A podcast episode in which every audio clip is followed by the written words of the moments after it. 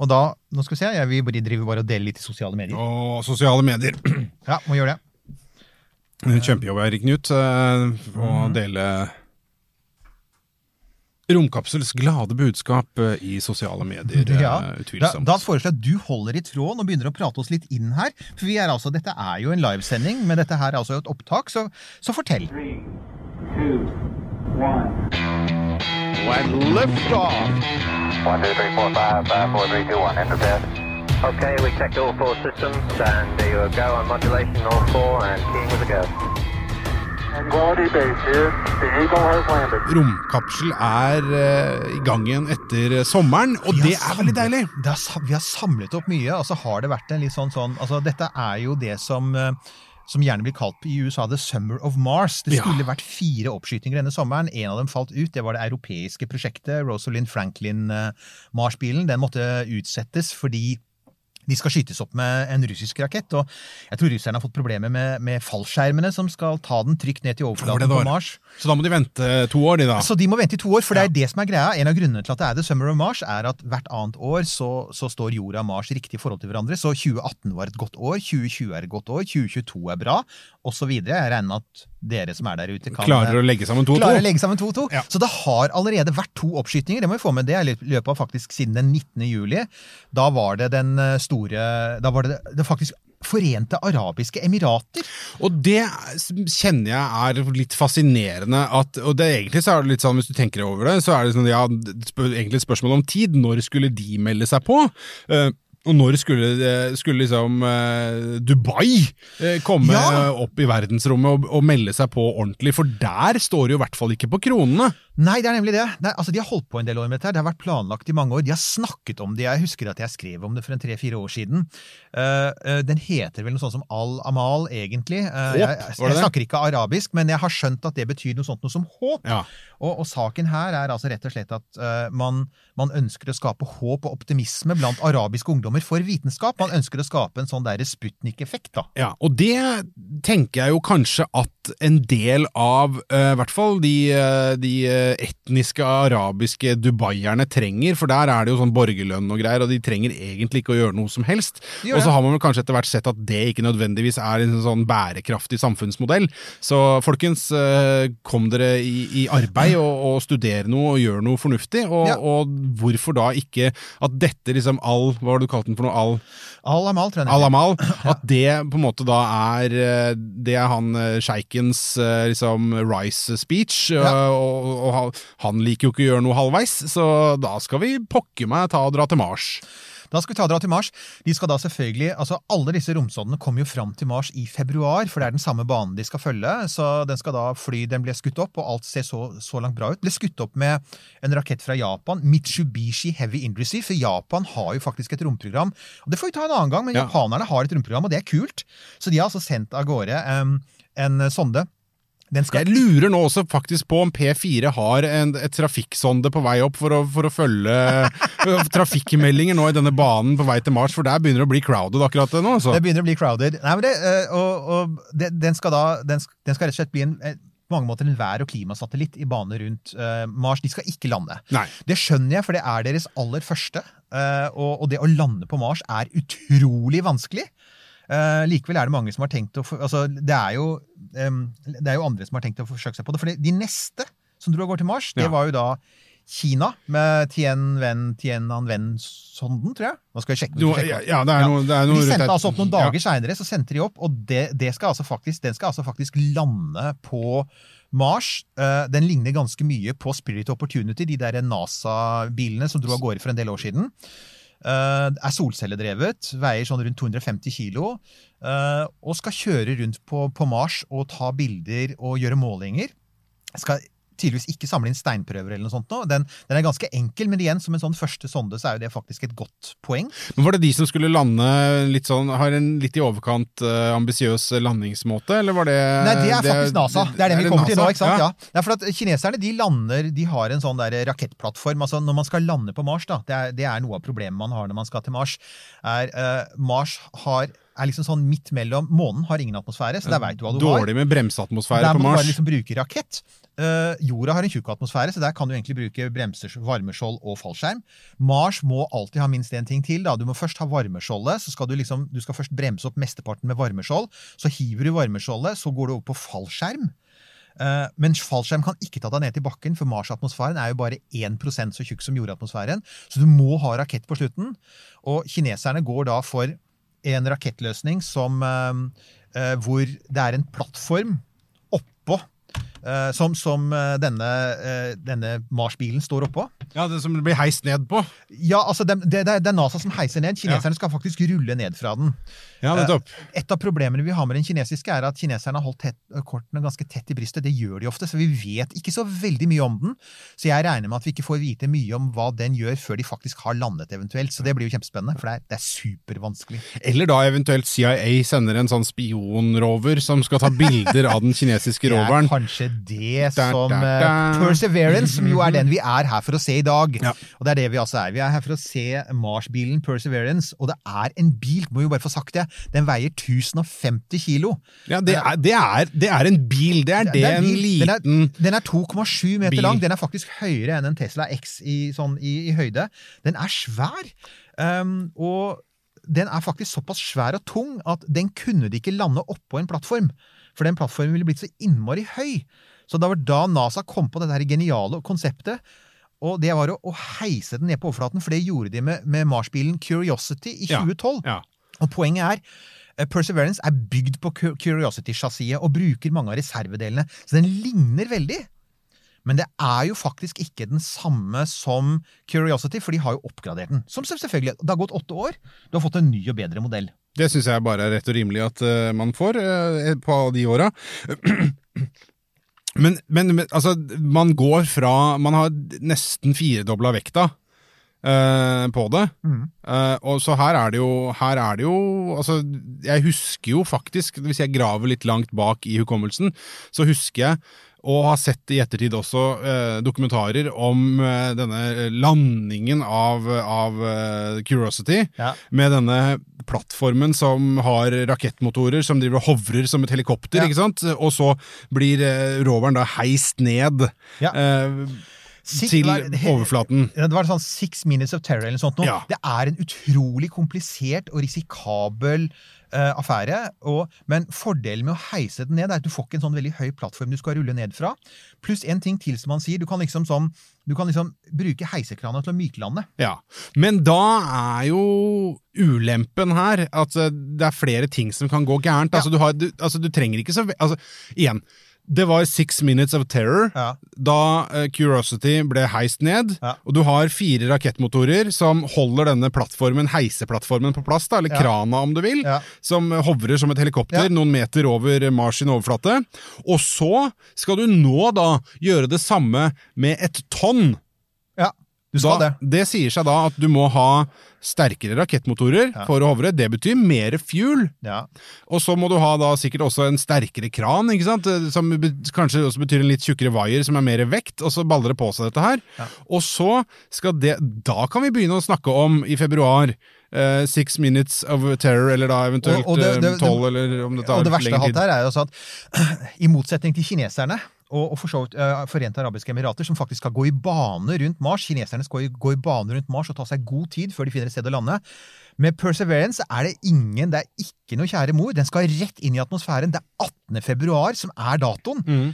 Uansett når de skyter opp, om de får det til i dag, eller om de venter helt fram til 15. august og bare flyr litt fortere, de skal lande den 18. februar. Ingen nåde. Og her har vi Her må bare ehm, vi må jo bare si at vi har jo et kommentarfelt her. Flott at dere har dukket opp.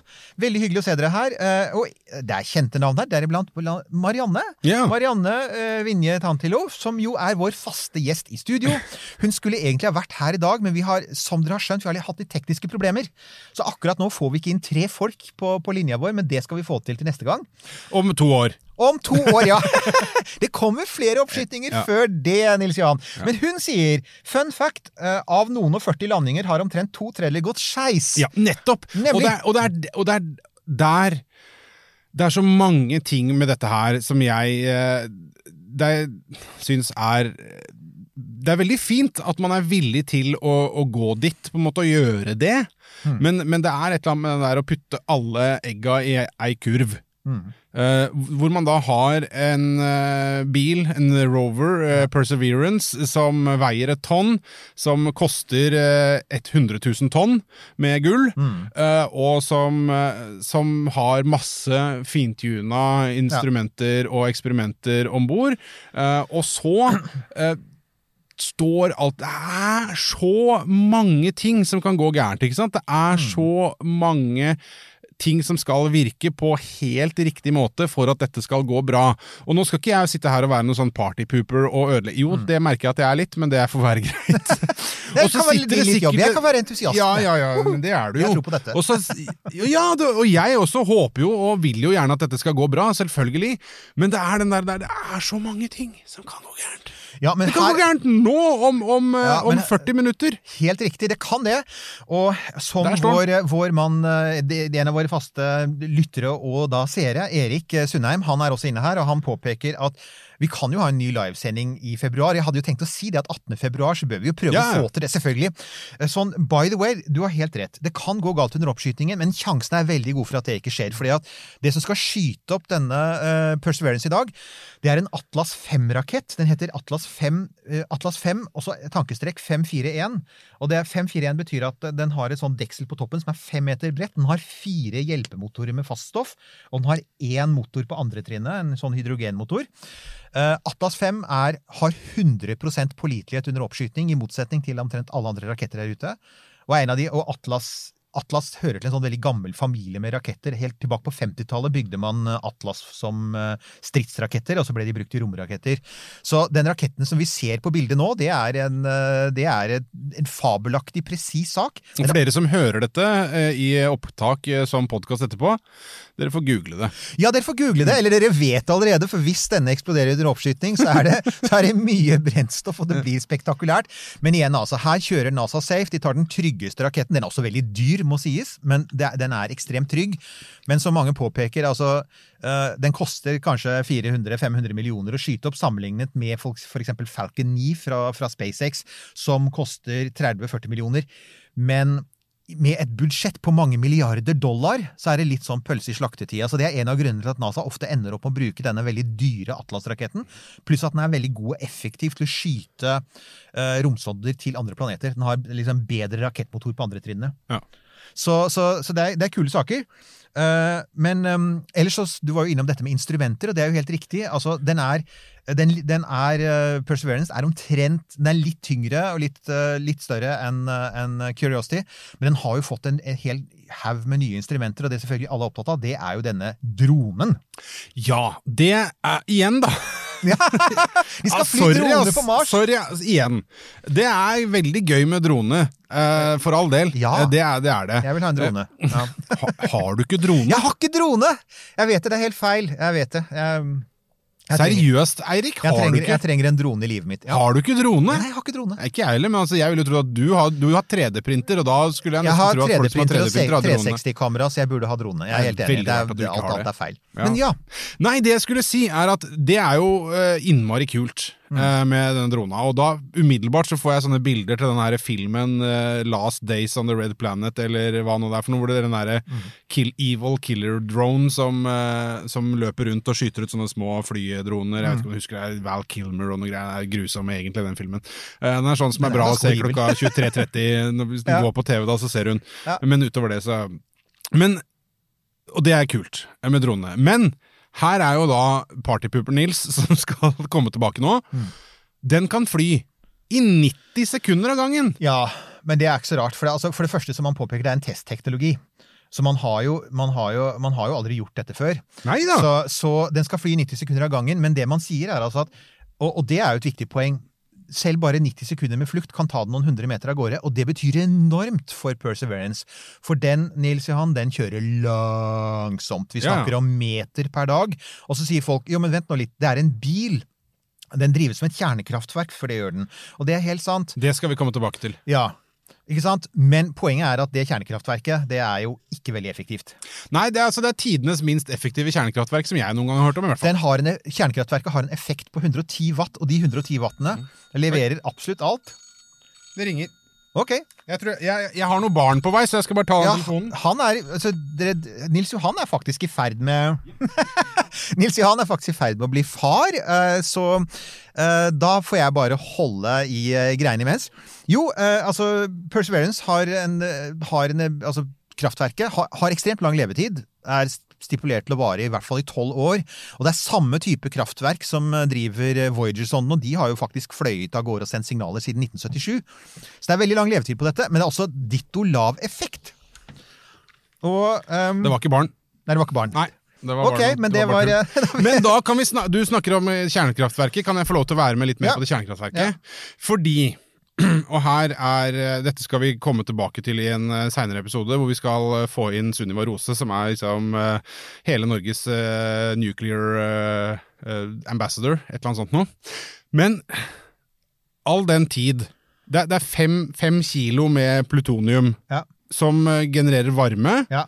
og så lager de strøm ut av den varmen. Og så hjelper den varmen også til å holde instrumentene oppe på riktig temperatur på den fryktelig kalde Mars-planeten. Men når man også, også Jeg måtte sjekke dette her. For den, denne, ba, dette batteriet, da, Mm. Ja. eller kraftverket, eller hva man ønsker å kalle det, er liksom sånn 30 ganger 30 cm ish Ja. Noe rundt der. Det er ikke veldig svært. Nei. Et hjertesukk her nå. Ja. Hvorfor kunne vi ikke hatt Tenk hvis vi kunne hatt et sånt kraftverk i eh, Tesla, da. Ja. Hadde du, hadde du hatt uh, litt større, da, som hadde hatt Litt mer effekt. Du må ha litt mer effekt. Men, men altså, her har du da muligheten til å lage et batteri som varer i altså, dette her lille her, da, tolv år. Ja. Og veier sånn 50 kilo eller et eller annet sånt, så det er jo ikke Det er jo veldig manageable. Vi kan løfte det. Mm. Eh, Ja.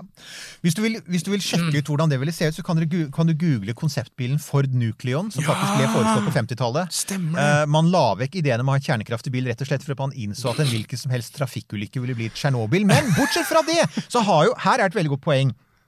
Um, og det er Marianne. Nå begynner spørsmålet å komme. Marianne påpeker at husk at den drona ikke kan styres i real time, for det er jo Nei. 20 minutters forsinkelse. Stemmer. Marianne, du har helt rett. Så det er, og så er det en nordmann, og husker jeg ikke hva han heter, men det kan sikkert noen si i Håvard et eller kommentarfeltet. Han skal vi selvfølgelig få snakket med på et eller annet tidspunkt. På samme måte som vi skal få snakket med en av forskerne bak Rimfax-eksperimentet, jordradaren, bakkeradaren, som også skal til Mars, som er utviklet av Forsvarets forskningsinstitutt. Jeg sier det nå før Marianne minner oss om det.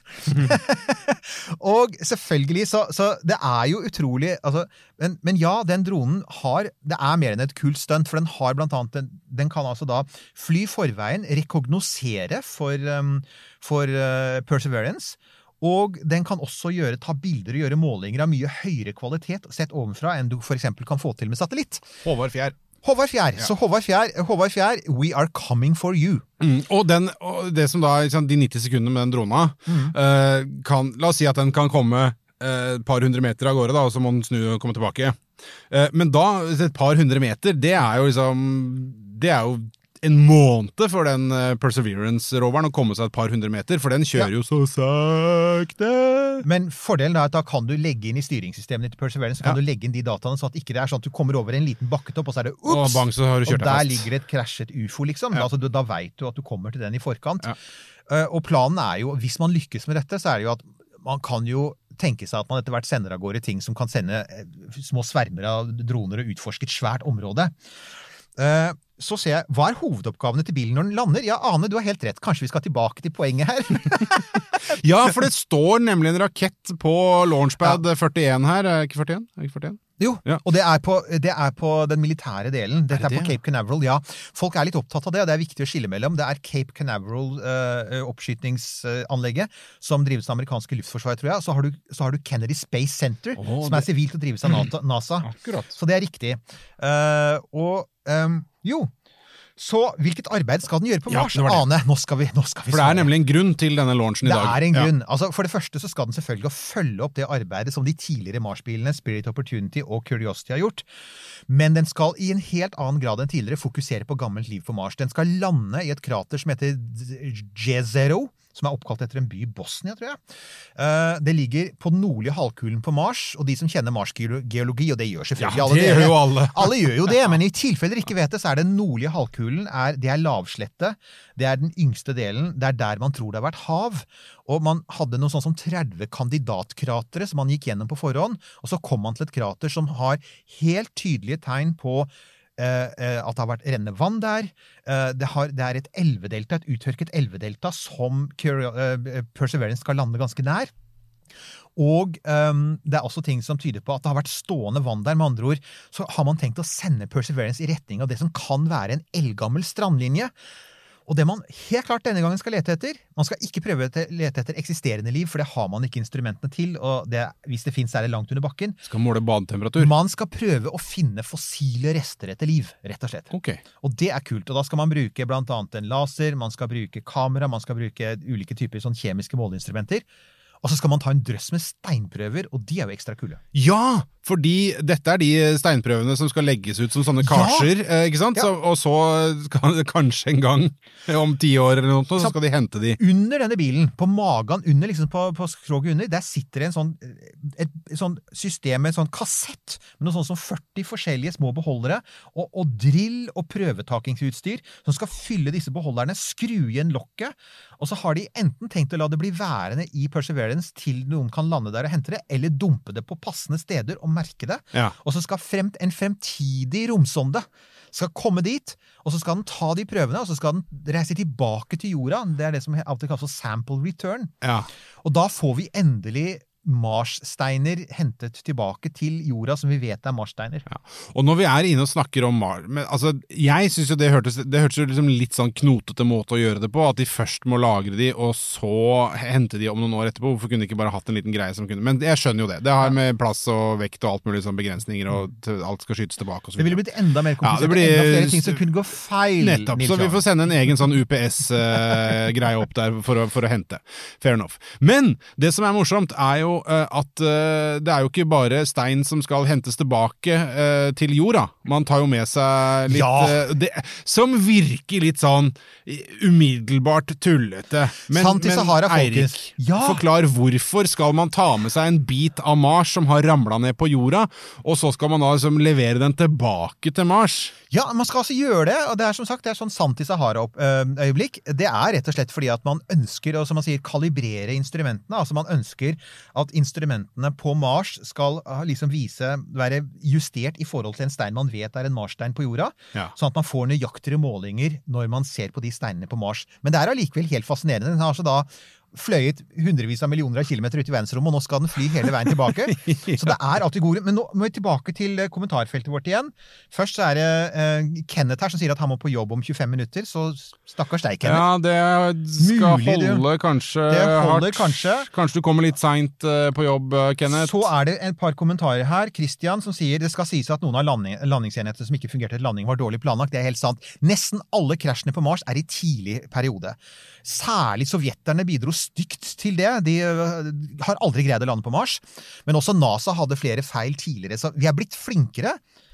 Uh, og så uh, er det altså en grunn til at dronen har så kort flytid, påpeker Simen. Det er at atmosfæren er så tynn at det krever veldig mye mer energi, og det er helt sant. Ja, Det må spinne så fort. Ja, den har kjempelange vinger. 1,20 rotorer. Den er jo bitte liten. Ja. Uh, og de spinner utrolig fort. Det finnes filmer av det der ute. Det er lett å se, fordi at man har testet i et, et atmosfærekammer på jorda. Eh, og da, da burner du batteri.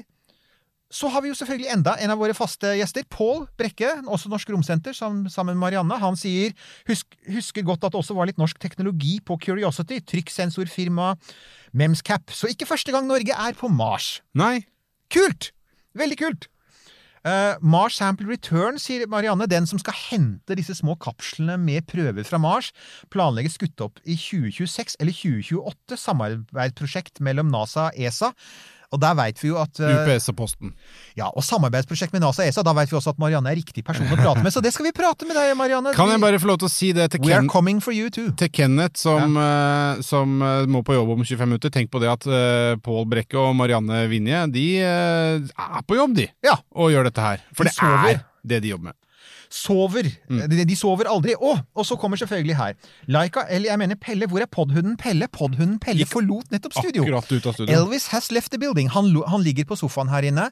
Um, jeg har lagt ut bilde av han på, på Facebook, og på et eller annet tidspunkt så er det mulig Han er litt for stor til at vi kan løfte han opp. Jeg tror ikke han vil like det. Han er ikke noe glad i det der. Han er ikke, han er ikke så glad i det. Men ja, så uh, til, tilba tilbake Akkurat nå så sa han egentlig tydelig fra at han ville inn igjen. Ja, vi får se.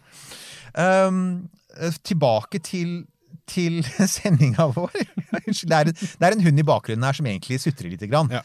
Tror, ja, her er vi. Ja. Det, tas litt, jeg må tas litt selfies, selvfølgelig.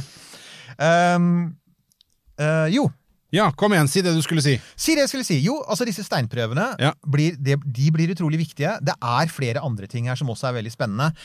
Personlig så syns jeg at et av de mest spennende eksperimentene det er et som de ikke har fått så mye oppmerksomhet. Det kalles for Moxie. Og Det er en liten boks på sånn 20 ganger 30 ganger 30 cm. Og det er et lite anlegg for å produsere oksygen ved hjelp av karbondioksid fra Mars-atmosfæren. For Mars' atmosfære er ca. 90 karbondioksid. Og Man skal altså rett og slett spalte opp karbondioksid, så at man får karbonmonoksid, CO, og så O, og det skal man da lagre. Og da skal man lagre 20 gram oksygen hver dag. og Man skal rett og slett fylle på oksygen på en tank. Hvorfor er det viktig? Jo, for at hvis det f.eks. en dag skal sendes mennesker til Mars, så må de produsere oksygen og brennstoff og vann på Mars av lokale ressurser. Og hvis de har da klart å lage oksygen, så har de jo løst en Ja, og faktisk er det, det er kjempeviktig, og, og faktum er at det er en måte å produsere mye brennstoff på. fordi at en plan som er verdt for å sende mennesker til Mars, er at du sender, hvis, hvis Moxie fungerer, så kan du bare produsere oksygenet, så tar du med deg hydrogenet. For H2O, mesteparten av massen, er faktisk oksygen. Hydrogen er veldig lett. Så du, for å lage 20 tonn med brennstoff eh, på Mars, så trenger du i praksis eh, ett tonn med hydrogen, og så henter du 19 tonn med oksygen fra atmosfæren. Så Moxie er kjempeviktig, og det er altså første gang, som vidt, så vidt jeg vet, at man har sendt av gårde et eksperiment til Mars som først og fremst er nyttig med tanke på at vi skal sende mennesker dit en dag. Ja. Så Moxie, kjempekult.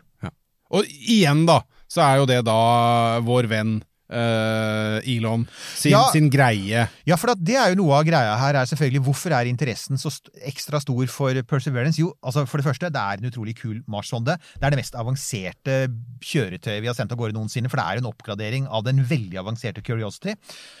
Men Mars er i vinden. Eh, akkurat nå, mens vi sitter her og prater, så driver de og, og fyller på tanker og tester ut trykkammer og sånne ting på Starship, som er toppdelen på det svære romskipet, og så er det Super Heavy, som er førstetrinnet, som også skal være gjenbrukbart.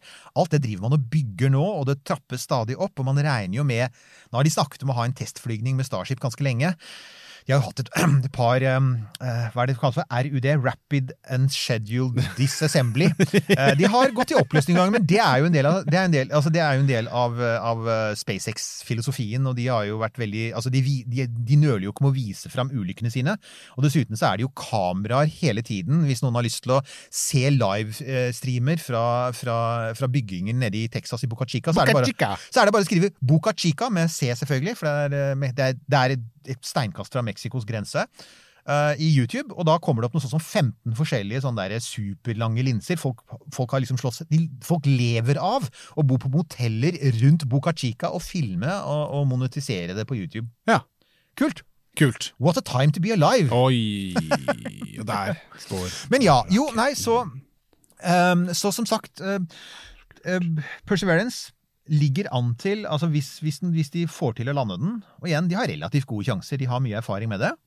Så, så kommer dette til å bli uh, så, så er jo håpet er at man skal kjøre langsomt over dette Jezero-krateret, og så skal man ta bilder. Den har 25 kameraer, aldri hatt så mye kameraer. Uh, og den har igjen massevis av måleinstrumenter, massevis av steinprøveting. Jeg har et spørsmål. Ja. Vi var innom det i stad, med dette batteriet. Ja. eh, Eller dette Ja, kjernekraftverket. kjernekraftverket, om du vil. eh, Som har en levetid på sånn type tolv år. Mm. Noe sånt noe. Og så hadde du eh, eh, Curiosity, Mm. som eh, levde langt forbi Ja, eh. Jo forventet, forventet levetid. Og så har du da Perseverance, som nå skal opp. Mm. Hvis alt går bra nå om eh, 20 minutter, Mm. Og alt går bra hver dag Mhm. fra og med i dag og fram til midten av februar, og alt går bra når den har landa, hvor lenge er det forventa at den skal drive og kjøre rundt der oppe, Perseverance? Ifølge Den, den, er, um, den er bygd for å leve et Mars-år, som er ca. to jordår. Det er liksom, det er, det er kravspekken, men akkurat som på samme måte som eh, Spirit Opportunity var vel bygd for å vare i 90 dager og varte i årevis. Ja. Uh, og samme kravspekk var det vel for Curiosity, og den har også da vart i åtte år. Jeg tror alle regner med at, at eh, en, uh, Perseverance kommer til å vare veldig mye lengre. Og igjen, så lenge, altså siden det er kjernekraftdrevet, så er den jo ikke rammet av støvstormene på Mars. som jo var Det som? Det var det som drepte uh, Opportunity på slutten. Den døde i 2018. Ja, for den ikke fikk lada seg opp igjen. sant? Og, og, og, og for så vidt så kan du si at det du peker på her, det NASA egentlig peker på her, er et problem som har vært for lite snakket om, egentlig. Og det er at um, vi kommer til å trenge kjernekraftteknologi i det ytre solsystemet. Fra Mars og utover så er det stort sett bare kjernekraft som kan gjøre jobben. Og en av grunnene til at de har en sånn liten og ineffektiv eh, radiatorgreie som produserer strøm ved hjelp av varme på Perseverance, det er jo at det har vært forsket veldig lite på kjernekraftverk. I, uh, siden 1970-tallet. Ikke sant? Three Mile Island-ulykken, den store kjernekraftulykken, eller nesten-ulykken i USA, som ga opphav til filmen Kinasyndromet, den førte til veldig stor politisk motstand mot kjernekraft i USA, og så kommer selvfølgelig Tsjernobyl og understreket det. Og resultatet er at NASA knapt har forsket på det som heter space-rated nuclear power. For å kunne sende et kjernekraftverk opp i rommet, så må det jo være tilpasset først vektløshet, og så kanskje lavere tyngdekraft og forholdene på Mars. Det er utviklet et kjernekraftverk nå som kan brukes på overflaten til Mars, eh, delvis av uavhengige forskere. Så teknologien begynner å komme, men kompakt, bærbar kjernekraft som kan gi oss bedre Mars-rovere, det, er, det venter vi fremdeles på, og NASA har pekt på dette lenge selv. Så da skal vi eh, få om en stund. eh, Følg med, følg med Mm. på Romkapsel. Eh, Dette kan vi sikkert klare å, å få lirka ut et par ord fra Sunniva Rose når, når vi får Ja! henne. Jeg kjenner jeg gleder meg til det. Vet du hva, Det er så mange ting jeg gleder meg til. For at Ja, vi har laga en liste nå, Erik, Eirik, over ting vi har å Ja. glede oss til, og som du, kjære lytter og seer, kan glede deg til framover i, i Romkapsel sitt univers. Ja, og hvis, nå skal jeg bare ta en sånn liten sjekk inn her og høre hva de sier om ting, Altså, mellomtiden så kan du eksempel Ja, jeg kan fortelle litt uh, om litt om hva som har skjedd i det siste. Ja, for dette, dette her er jo veldig gøy. Uh, og det må vi bare bøye oss ned i det ytterste støvlaget og takke voldsomt for. Hjertelig tusen takk til alle som eh, hører på og laster ned uh, podkasten vår, for det har altså skutt i været noe så voldsomt Ja. i løpet av de siste ukene, og det er jo kjempegøy! Syns vi at Ja. eh, det er eh, stadig flere som eh, setter pris på, på det vi holder på med. For det er altså en sånn tjong-kurve som er veldig, veldig gøy, og litt sånn Jøss, hva, Ja, hva skjedde altså, har, her? ikke sant? Altså, vi, har jo, altså, vi har jo hatt en Vi har jo ønsket å bli bedre kjent. Ja. Så vi har hatt en strategi med blant annet med at jeg har vært gjest i noen podkaster. Ja. Så det, det kan jo tenkes at noen av dere som hører på nå, eller som er inne i livefeeden, faktisk kom hit via Konspirasjonspodden. Og i så fall, eh, velkommen til dere. Jeg har, ma jeg, jeg har invitert meg til Konspirasjonspodden en stund, jeg. Så jeg har, ja, jeg, selvfølgelig, for jeg, jeg syns jo de, det de gjør er så utrolig kult, og de er vel for øyeblikket nummer ni av norske podkaster, og, og de leverer virkelig bra stoff, og vi kan bare anbefale dem. Hører du ikke på dem, så hør på dem. De snakker jo mye mer enn bare romkonspirasjoner. Um, men, men, og ellers har vi også fått veldig mye mer spørsmål. Det er ganske mye aktivitet på Facebook-siden vår. bare så sagt det, Hvis ikke du er der allerede, Facebook for oss er faktisk en Det viser at det er vår beste kanal. Ja. Gå inn der også, legge inn, send inn spørsmål og Send- inn spørsmål. kommentarer osv. Så, videre, Ja. så Så er det jo ikke helt usannsynlig, da det har skjedd eh, mange ganger allerede, at eh, spørsmål vi har fått inn eh, på Facebook har blitt til en hel episode, og vi har hanka inn både gjester og, og ting som har, som har snakka om eh, et eller annet som eh, du, kjære lytter, som har sendt inn spørsmål, har lurt på. Ja. Og hvis ikke, så kan du selvfølgelig Jeg får også en del e-poster på romkapsel at newt.net. Etternavnet mitt. Du, jeg skal bare si, det, her er det Nå har lytterne dukker opp igjen. Um, Christian sier at en annen grunn til den korte flytida til drona er at mye av batterikapasiteten går med til å holde komponentene varme. Det har han helt rett i, for at å holde varmen på Mars, der nattetemperaturen går ned i minus 120 Ja. Jevnt over. Altså, det er alltid sånn. Da holder det ikke med å ha jungelakk. Nemlig. Og det er altså en veldig god grunn til å ha kjernekraft om bord i et romfartøy, for da har du strøm hele natta. Eh, Thomas sier noen mulighet for at dere kunne lagt ut lydfil fra streamen som ekstra podkast. Thomas, vi tar opp nå, og vi, dette blir en podkast. Det gjør det. Ja ja, ja da. Det gjør det, og dette er meget mulig at dette blir vår første podkast i den nye sesongen. Det vil jeg tro. Eller, og vi, vi planlegger også, det kan jeg si, den andre podkasten, eller eventuelt den første, kommer litt an på rekkefølgen her.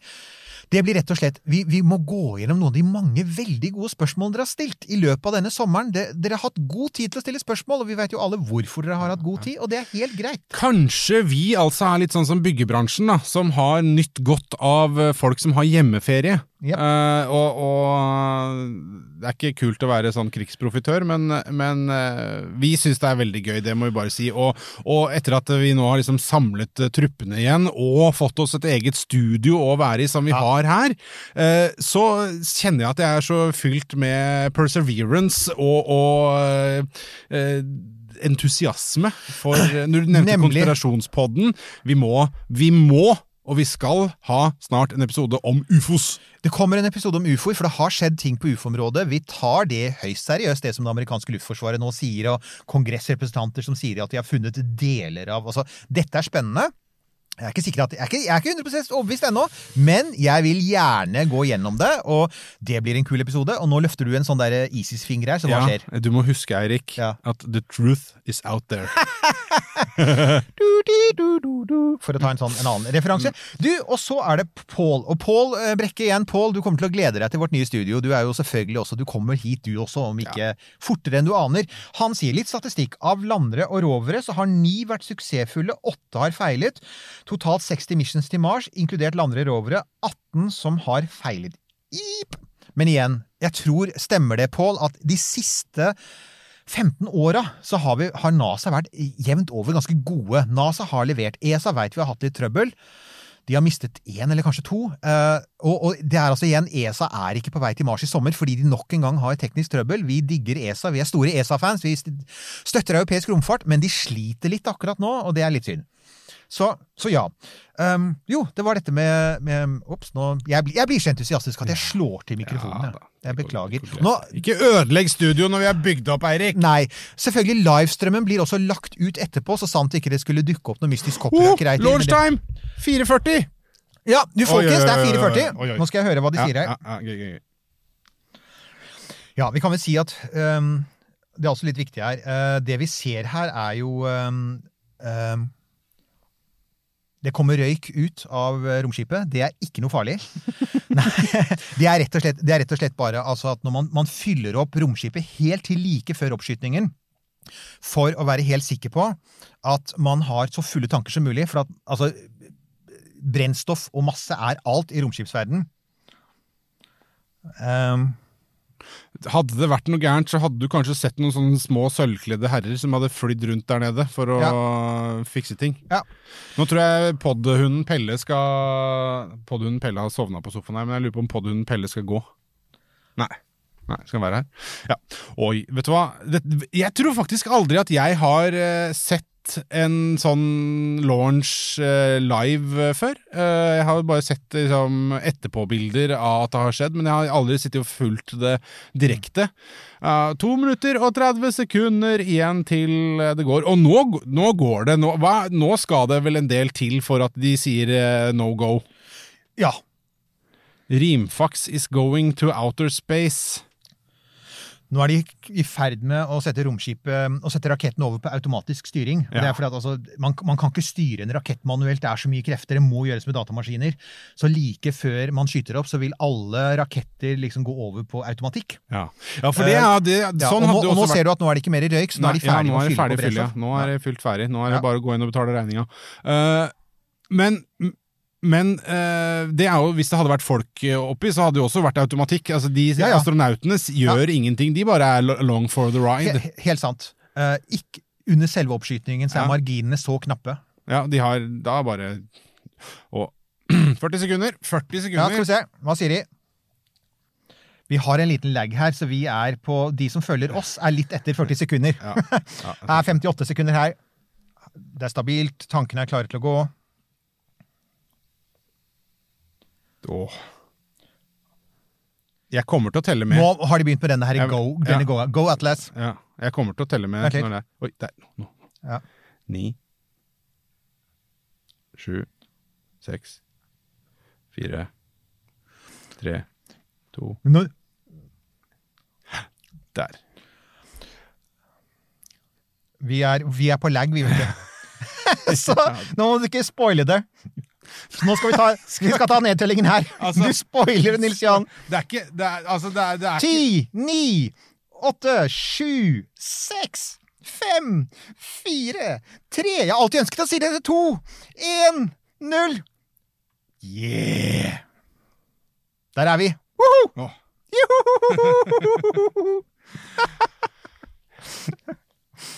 Ja, og vi har eh, laget en lang liste med ting vi skal prate om framover, for nå skal vi sitte her og holde den livestreamen fram til februar. Eh, Ja, vi skal det være på hele tiden. Det kommer til å ta litt tid, selvfølgelig. Dette her er en slags sånn eh, vår versjon av Big Brother, eh, bare at folk ikke kan bli stemt ut, så dere er stuck med oss Dere begge. ser mye røyk etter rakettene, og det er fra faststoffrakettene.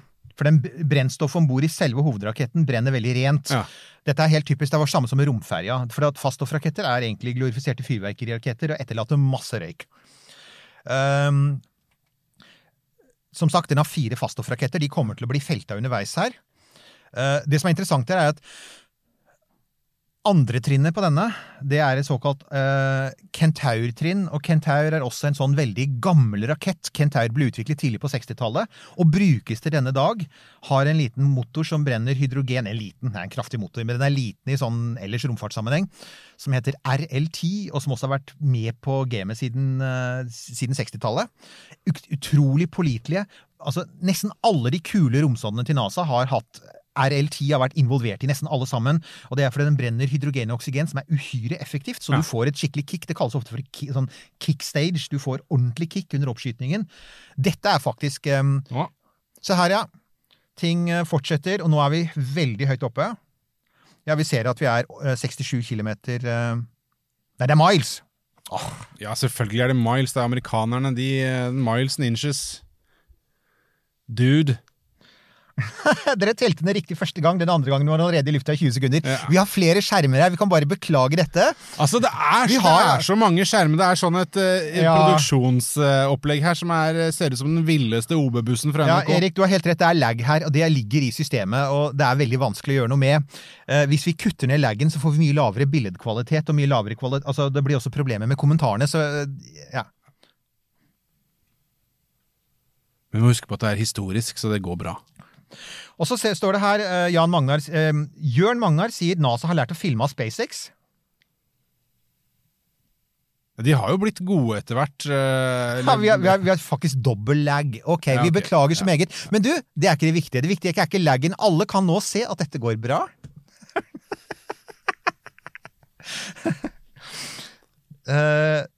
Det ser ut til å gå helt utmerket. Men, men det, når er det nå, For nå sitter det noen folk uh, der med, med, med hjertet i halsen. Det har de gjort en stund. Mm. Når uh, begynner de å slappe av? Når begynner de å liksom tenke at uh, fy fader, nå kjente jeg at jeg var sulten og må tisse? Ja, de, har, de har kastet av faststoffrakettene, det er bra. Ja. Det er viktig. Så skal de um, så, Nå har de eh, Så skal de hive av um, de, eh, dette beskyttende dekselet, uh, fairing. Ja. Uh, og nå, det tror jeg skjer Altså, ja, igjen. Litt usikker på at, hvilken versjon vi ser på nå, men det har allerede skjedd Ja. i den virkelige verden. Ja. og, og så skal førstetrinnet kobles fra. Så skal uh, RL10-raketten på Kentaur-trinnet skyte sh, Der. Nå skjer det ting her, ja. Så skal kentautrinet Kentaur-trinnet fyres opp. Og så skal det brenne lenge nok. Det skal liksom sånn, Du skal gjennomføre en, en vellykket brenning der. Ja. Uh, Og når da- det er gjort, og når, da når, Det er først når Perseverance har riktig bane, fart og retning til Mars. Ja. Da kan man puste lettet ut, for da er det jo i praksis Da skal ikke, da, Det er mulig det skal gjøres en liten kurskorreksjon underveis, men når liksom først sonden er sendt av gårde, så er det jo, det er jo eh, astrodynamikkens ja, lover da som er Ja. all hands off, og da er det Ja. ikke noe mer man kan gjøre. Da er det bare Men, sånn eh, men det er. helt riktig at de har lært av SpaceX her. altså Dette ser ut som en SpaceX-sending, og det er bra, fordi SpaceX-sendinger er helt rå når det gjelder oppskytninger. De er veldig gode på dette. Uh, at de, og skulle bare mangle, for at vi skal jo ikke glemme at her er det jo i sin helhet den amerikanske skattebetaleren som har betalt for gildet. Og at de får et fint show, er en Ja, det er viktig. Det er brød og sirkus til folket, så de glemmer eh, korona. Nei, det må de ikke glemme, men eh, ja, de kan glemme andre ting. Ja, Marianne sier også at de skal jo filme under selve nedstigningen også, så vi får se hele greia. De har til og med, de har til og med med seg mikrofoner som faktisk skal fange Ja, opp lyden fange opp lyden av landingen. Ja, stemmer det. Og lyden på Mars etterpå. Ja.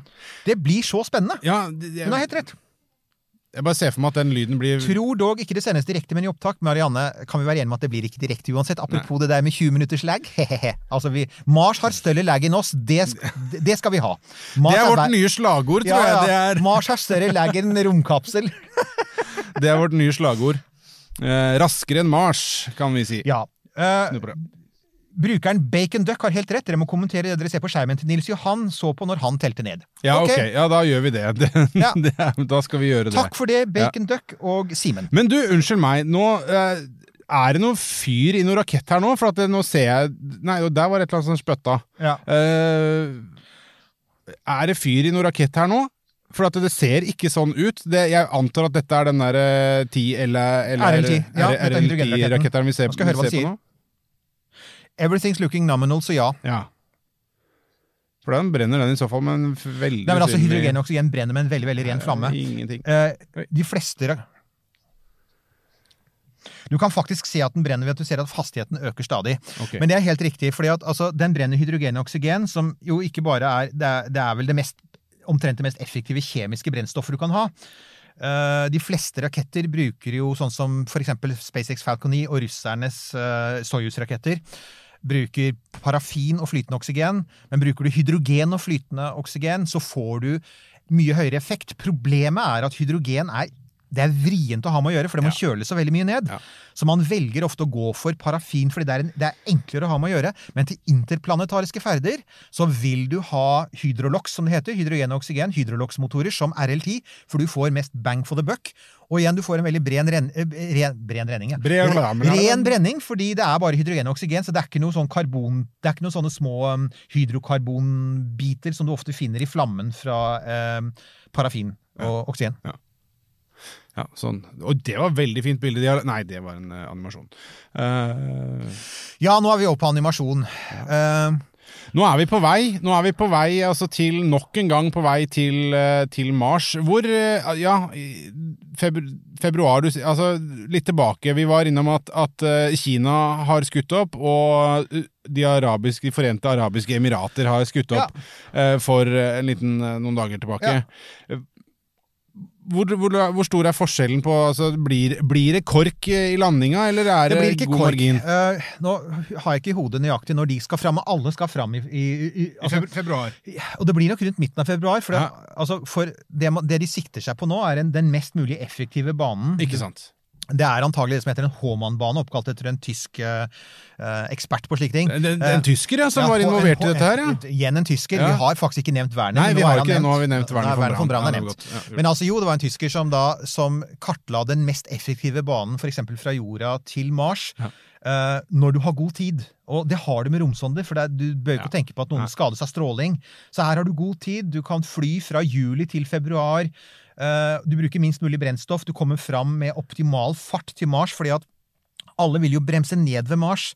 Og de vil jo ikke da ha for høy fart når de kommer fram til Mars, for da må du bruke ekstra brennstoff for å bremse ned. Og særlig selvfølgelig eh, Perseverance, som skal rett inn i atmosfæren, og, og bam! ikke sant? Så de bruker, de bruker god tid på, på Ja. å finne en hastighet, en optimal hastighet Ja. inn i atmosfæren. Altså, da må man jo begynne å på en måte bremse, eller man må ikke gasse opp for mye. Nei, det, på ikke vei sant? Ja, for, ut? Altså, det er jo alltid en avveining. Du kan, uh, bruker du mer brennstoff på vei ut, så må du også bremse opp mer på veien til altså, Ikke sant. ikke sant? Men det er nok en avveining man i større grad vil gjøre med mennesker, for der vil man jo korte ned tiden folk er tiden folk er i rommet, rett og slett fordi at astronauter vil du ikke ha for lenge i Nei. rommet. Så der vil man da gå for kanskje en suboptimal bane, og det har faktisk SpaceX har sagt at de har ikke tenkt å la astronauter fly mellom jorda og Mars i åtte måneder, de har snakket om helt ned til fire måneder. Ja. Men den eneste måten de kan få det til å skje på, er at de kan produsere brennstoff på overflaten til Mars. Og for å gjøre det, Ja, så må så- dette Moxie-prosjektet, for å komme tilbake til Endeavour Nei, Endeavour, det sier jeg hele tiden. Perseverance. Kom tilbake til Perseverance, så, så Det Moxie-prosjektet er utrolig viktig. Man regner med at det skal gå greit, men det er en sånn liten faktor X her, og det er støv i atmosfæren til Mars. For Mars har utrolig mye støv, som av og til lager støvstormer. Og, hva, hvordan det vil påvirke liksom, inntaket Ja, av, nettopp, ja. av Filter, CO2 ja, og filter og sånne ting. man regner med at det går greit, men man må, jo, man må jo gjøre det før man på en måte sender, sender, sender av gårde folk. Det var jo en ting jeg tenkte på også når, eh, når eh, denne her, den Perseverance skal legge fra seg eventuelt alle disse prøvene. da. Ja. Greit nok at de blir merka, jeg skjønner jo det at de blir eh, geo, Ja. GPS-data, på et eller annet MPS som det vil hete da. da. Det, det, er, det er et godt spørsmål. men det, så, så vil jo de bli begravd av masse støv, for det, Ja. man må jo ha med seg graveutstyr da, for å finne disse små canisterne tilbake. Meningen er helt klart å plassere dem på, på bare, altså barblåste områder. Ja, Som er bart da, men Ja. altså gudene veit om de er bart om seks år. og det er jo derfor som eh, Marianne Vinje var inne på. Hun sier altså at de skal jo prøve å sende denne sample return mission så fort som overhodet mulig. Ja. Jeg må ærlig innrømme at jeg syns det er litt snodig at, at man snakker om å fordele det langs en rute. Det har man også sagt. Jeg håper jo at man bare dumper det ett sted. Og jeg håper at man venter så lenge som mulig, sånn at man får så mange prøver som mulig. At man dumper det ganske nær Perseverance. Jeg tenker, Hvorfor skal man dumpe det? Hvorfor kan det ikke bare være i Perseverance? Ja, nei, Da måtte man eventuelt ha noe utstyr Ja, for, for å hente det ut. Ja, for å hente det ut. Det er ikke folk som skal Nei, Nei, altså Grunnen til at man gjør det på denne måten, det er jo rett og slett at det er vanskelig å lande på Mars. Det er egentlig ganske lett å ta av fra Mars. Det er det faktisk. Og det er rett og slett fordi Mars har en tredjedel av jordas tyngdekraft. Det hjelper for så vidt også Perseverance. Den veier jo ikke tonn på Mars, den veier jo 300 kilo. Ja, jo. Men, men altså, så du trenger mye mindre brennstoff for å ta av fra Mars, men du trenger fremdeles brennstoff. Og det du da istedenfor å, å sende av gårde en sak som borer på Mars, og så drar av gårde, så sparer du så det, det, det, liksom det du bruker på boreutstyr og vitenskapelig utstyr, bruker du istedenfor for brennstoff. Så det er, det, er, det er på en måte litt som månelandingene. Ved å dele ferden opp i to separate deler, Ja. så kan du faktisk spare både brennstoff og penger. Så den tanken er god. Det jeg stusser over, er liksom det der med, med hvordan de skal gjøre det, og som du sier, at de dropper det på et sted, men som, som ikke blåses igjen. Men jeg tenker at De har nok eh, De, er, Ja. de, har en plan. Det, Men når det er sagt, når det er sagt, så må jeg også si at, at det fins jo ikke GPS på Mars. nei, Så- det var så- akkurat det. MPS. Ikke sant? Så det blir MPS. Og det, Ja, altså, og, det har de ikke laga ennå. og, og det, er jo, det blir jo rent visuelt, men de har jo god koll på hvor den kjører, da. Ja. Så jeg regner jo med, men, men også når man lander på Mars, er det jo sånn at man Det skal jo også bli spennende å se om de klarer å lande på meteren, eller på noen få meter, som jo egentlig er det man må. fordi det man vanligvis gjør når man lander på Mars, er at man lander innenfor et område. Og det kan være et område som strekker seg mange hundre meter rundt. Så man må jo ikke lande for langt unna heller, men dette er også noe man må trene seg på. Så jeg håper jo virkelig at den Sample Return Mission eh, kommer av gårde fort som bare det. fordi at det å kunne lande et romfartøy på samme sted som vi har landet før, det er jo nettopp en sånn ting som vi også må lære oss før vi sender mennesker dit. For der skal det også være sånn at du må lande Du vil jo lande på det samme stedet hvor det allerede er folk. ja, ikke sant. Hvorfor er det problematisk? Hvorfor er det vanskelig? Nei, det er jo først og fremst fordi at du har jo ikke noe navigasjonssystem, så alt er jo eh, Altså, det du har, er jo selvfølgelig stjernehimmelen før du går inn i atmosfæren. Men i det øyeblikk du er nede i atmosfæren, så er det jo visuell navigasjon. Det er sekstant eh, Ja, måte, da. ikke sant? og der, der, er jo en annen ting. Altså, Mars har ikke noe magnetfelt, så du kan ikke bruke kompass. Eh, Du har, du kommer, altså, den første som lander, hvis du sender mennesker, de vil helt sikkert sende et radiofyr eller flere, så du lander, du, du lander etter et radiofyr, sånn som du kan gjøre med fly. Men de første ferdene blir jo uten det, så det blir jo da faktisk Det er helt i blinde, da. det er litt som det var å fly med, med, med fly på 1920-tallet, liksom. At du har ingenting å gå ut fra. Du har, du har, det, du, har det du ser. Ikke Ja. sant? Og, og hvis det da er støvstorm, eller hvis det da er nattestid, så lander du selvfølgelig ikke. Så, mm. Det, vet du hva, det, det er interessant, for det hadde jeg ikke tenkt på engang. Dette med for eksempel at noe så elementært som et kompass, du kan ikke bruke det. Det er jo null eh, nytte i det. Det, hadde jeg ikke tenkt på, men eh, ja. Mm. Godt, eh, godt poeng, Eirik. Dette, dette kan du. Jeg kan det, Nils Johan. Men vet du, jeg tenker at um, Nå skal vi se. Returen er ganske spektakulær også. En liten rover skal kjøre av landingsplattformen og så rundt og samle prøver, så tilbake til landingsplattformen, og så skal prøvene over fra roveren og inn i én, sier hun. Og så sier hun ikke hva det er, men der kom det! Liten kule!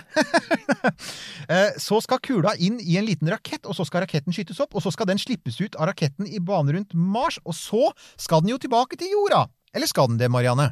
For det har jeg ikke egentlig fått med meg. Det er fordelen med å ha et eh, bra kommentarfelt. Så, så ja. Uh, uansett. So far, so good. Nå tar vi en liten sjekk-inn med våre venner i NASA igjen. Det ser ut til at det har gått bra. Ja. Det gjør det. Så eh, Hva skal vi prate om nå fram til februar, da, Erik? Ja, vi kan eksempel ta uh, Bruker Sindre, som kanskje er Sindre, eller Sindre, som spør hvor lenge er det til vi kan bygge en by på Mars. Uh, spør du Elon Musk, Sindre, så er det 2050. Spør du alle andre enn Elon Musk, så sier vi det er Elon Musk som er litt hyper igjen, og Elon Musk bør spise mindre sukker og roe seg litt, for 2050 er ikke aktuelt. Men, men, men baser, altså utposter, kan vi ha på Mars i 2050. Det tror jeg er høyst realistisk. Ja, Men- tror du det? Ja, jeg tror det, faktisk. Men det har vi vært innom før. Vi, har, vel- jo, men du- vi kan godt ta det nå ja. igjen, for nå er jo Ja, ja, altså, det er- Mars er tema. det- Mars er tema. Ja. Uh, ja, uh, jeg tror det. Uh, men det jeg også tror, da, er at vi er jo nå et sted hvor man driver og bygger den store raketten i Texas, som Ja. kanskje kan fly til Mars. Men det vi nå jo veldig godt veit, og som denne Perseverance-ferden også demonstrerer, er at mange av de tingene vi trenger på selve Mars, som er alt mulig fra oksygen og vann og brennstoff og navigasjonssystem for å lande, alle disse tingene skal jo faktisk testes ut før vi Og kjernekraft. De kommer til å trenge kjernekraft. Det kjernekraftverket er jo ikke bygd ennå. Man har jo ikke begynt Man har så vidt begynt å forske på et kjernekraftverk som kan levere For at altså, vi har store kjernekraftverk som er sånn i megawatt-klassen, som le le leverer til hele byer. Og så har du dette her som leverer 110 watt. Men det man ønsker seg, det er et kjernekraftverk som kan levere i sånn størrelsesorden sånn helst 100 000 Altså helst 100 kilowatt. Det er, er mye sant? strøm, Man trenger jo mye strøm til alt. Du skal ha strøm til å, og Du skal ha vann, og Ja. du skal ha strøm til å, å fyre Ja. for folk. Og du skal ha strøm til å lage oksygen, og du skal ha strøm til å lage drivstoff. Og du skal ha, det er veldig mye strøm. Og da Ja, kjernekraft, sier deg. Og så skal jeg komme med en liten sånn MDG-greie inn her. Vind er det av på Mars. Det er vind på Mars, men den er veldig variabel. Så det kommer veldig an på. Og, og, og er, man regner ikke den som pålitelig nok til å kunne erstatte f.eks. solkraft i de periodene hvor det er støvstormer på Mars. Og, og uansett så blir det jo også et spørsmål om rett og slett masse. Og det er altså hvor mye skal du sende av gårde til Mars? Det man har kommet til, da, er at det er, det, hvis man klarer å bygge Det er fullt teknisk mulig å bygge et kjernekraftverk som leverer f.eks. 100 kW, som er det du trenger for å ha en liten base og produsere oksygen, vann og ikke minst brennstoff. Det krever en del energi. Um, det er fullt mulig. Uh, men, uh, og, og man regner med at 100 kW med solceller på Mars ikke kommer til å bli særlig effektivt. For det første fordi det er 40% mindre effektivt fordi det er lenger unna sola. Og for det andre pga. dette hersens støvet som stadig vekk eh, dekker til sola, og hvis det kommer en støvstorm, så faller effekten nærmest til null. Så, så ja. Det, det, det er mange ting som skal på plass før vi får den byen, er egentlig poenget. Det, det enkleste er det vi jobber med nå, som er å bygge rakettene. Vi vet vi kan fly til Mars, vi sender jo en rakett dit nå. Så vi vet vi Ja, kan ja, og det, det er fair. Og så må man, som du sier, det er mange ting som skal opp, så da må man jo ha ganske mange turer med, så, som legger ting eh, på plass, som Mm. er der, og som er klart, eh, når folka eh, kommer. Mm. det er ganske mye stæsj som skal Mm. Ja. Mm. på plass. Et eller annet sted skal de bo, de skal ha mat. Altså, det er jo mange Masse. supply missions som skal opp.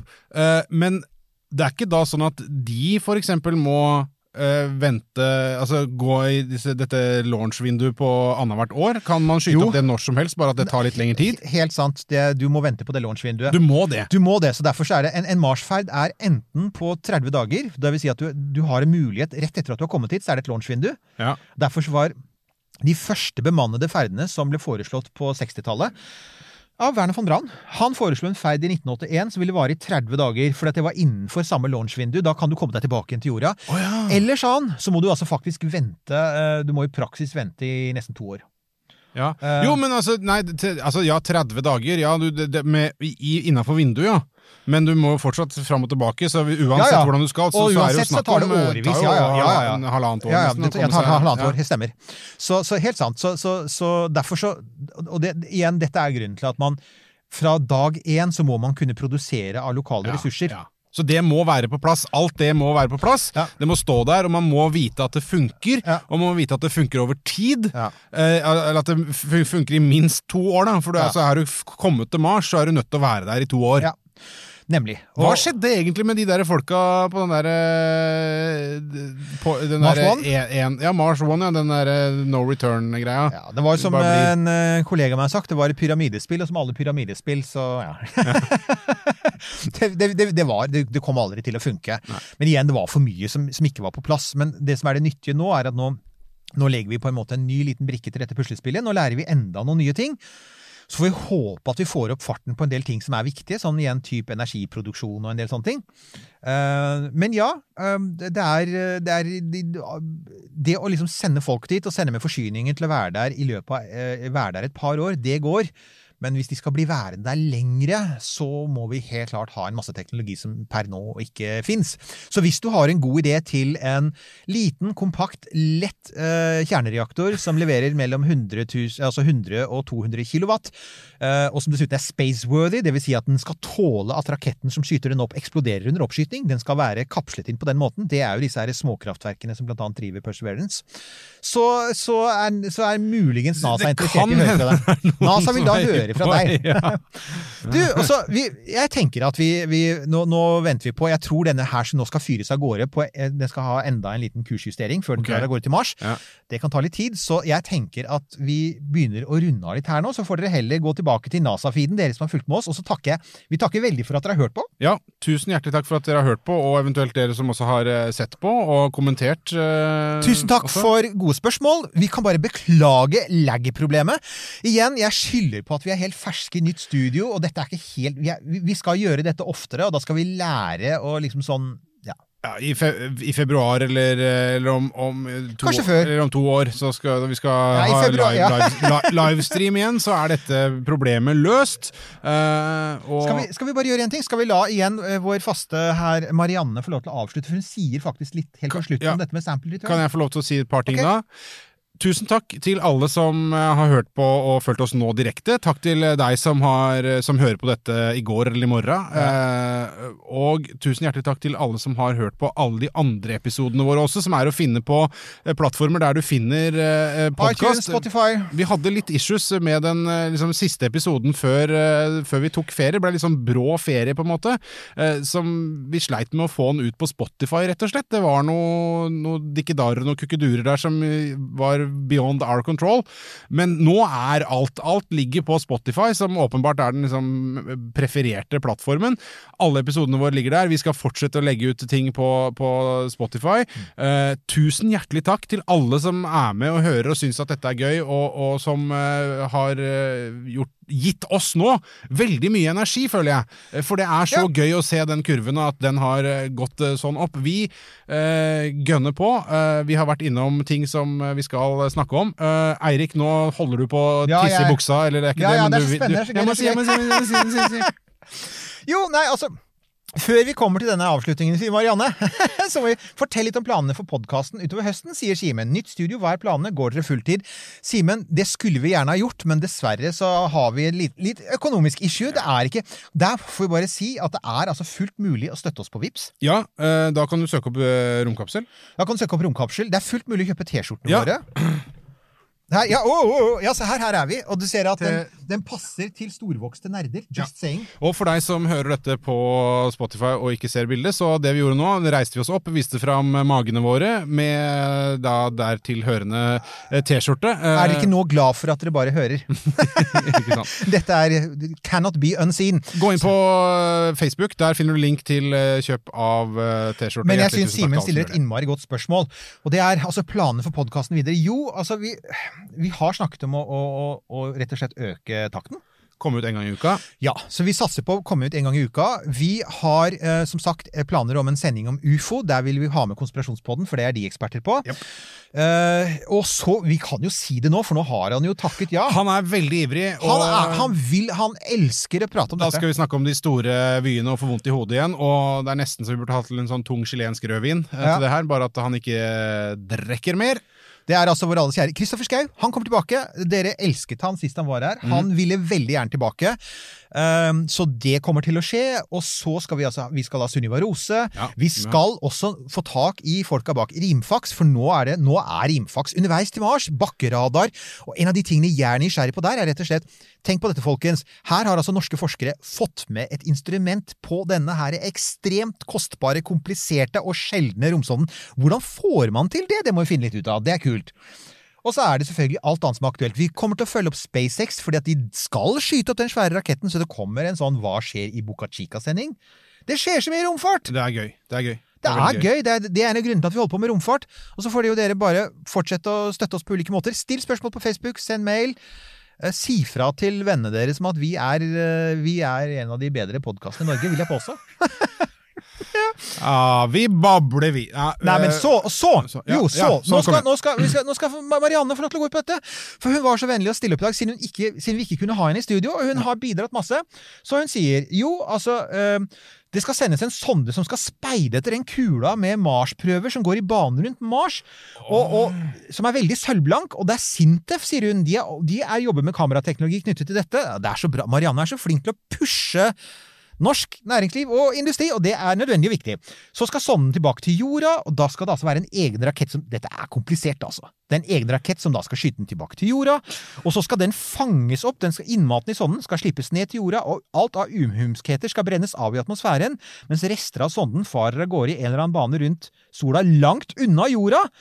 Og så skal NASA finne igjen prøven, det som har landet på jorda, håndtere den med aller største forsiktighet, fordi i tilfelle Altså, vi vil ikke ha Mars, Marsvid Mars. Marsvid 2026 vil ikke ha. Vi har covid. Vi har allerede nok som vi har med jordiske thank you very much. Uh, rense prøvene, i, uh, og så skal forskerne endelig få det. Er det lov å påstå at dette høres unødvendig komplisert ut? Send en astronaut! La Elon ta jobben! Ja, Elon tar den, han. Han gjør det. Eller så melder Eirik seg frivillig. Ja, jeg gjør det helt klart. Du klart. Ja. Canada Arm eh, der. Ja. Du, du tar den jobben, du. Tar den, jeg. Ja. Så yes, igjen, takk for at dere hørte på. Og da er vi altså uh, ferdig for dagen. Og vi er snart tilbake med Med veldig mye gøy. Denne Podkasten er produsert av Tid Tid og. Lyst.